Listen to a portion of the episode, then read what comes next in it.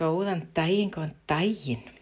Í dag langum við að tala um eitt sem að ég hef oft, oft eh, verið að tala um við vinu og ættingja sem að búa til dæmis í Reykjavík, í Stórborg eða einhverju slíku. Eða er einhverju vinnum sem að langar ekki að vera í, eins og leis, að þá kem ég alltaf með þessa ágættu setningu mundu að þú hefur alltaf val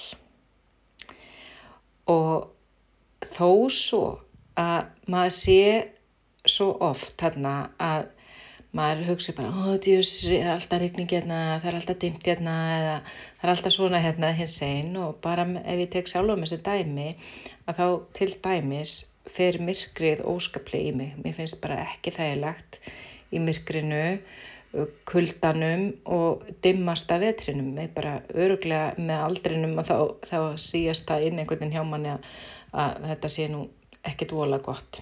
Myrkur og kuldi og langar reynilega að vera einhver starf á sögulegum slóðum frekar yfir svartasta skamdið. En þá er þessi spurning, ok, á hverju ertu þá hérna? Á hverju ertu þá hérna yfir svartasta skamdið í, í myrkrinu? Er eitthvað sem getur gert í málunum? Geturu stitt veturinn í ferðalög eða eh, segjum að þér líki ekki vel að búa einhverstað þar sem er mikil umferð, getur þú flutt eitthvað annað þar sem er minnu umferð, þú veist, jújú, jú, þetta er alltaf, alltaf auðvelt, ég er ekki að segja það og það, einhver segir örgla núna, já en það er nú bara ekkert allir sem hafa efna á þessu eða hinnu, en ég veit það alveg líka, en hins vegar er þetta val, þannig að hversu slæmt er þetta sem að maður er að nöldri við, myrkrinu, umferðinni, rigningunni, hverju sem það er, að maður getur ekki reynd þá að fara að horfa til betri vegar og breyta af því að þú hefur alltaf val.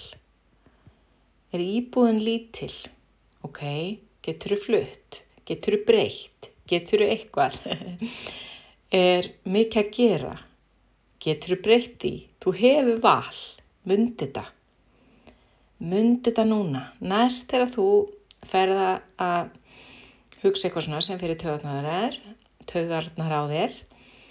Ok, hef ég kannski bara val um þetta? Þar er ég kannski ekki alltaf að mæta á þessum tíma hingað eða verið í þessum saumaklúpi eða, veist en ég er svo kannski bara reyndi ekki neitt. Þannig að þú hefur val, þú mátt breyta. Það er alltaf læg myndi þessu setningu. Þú hefur alltaf val. Ok, takk fyrir að hlusta. Heyri í þeir fljóðlega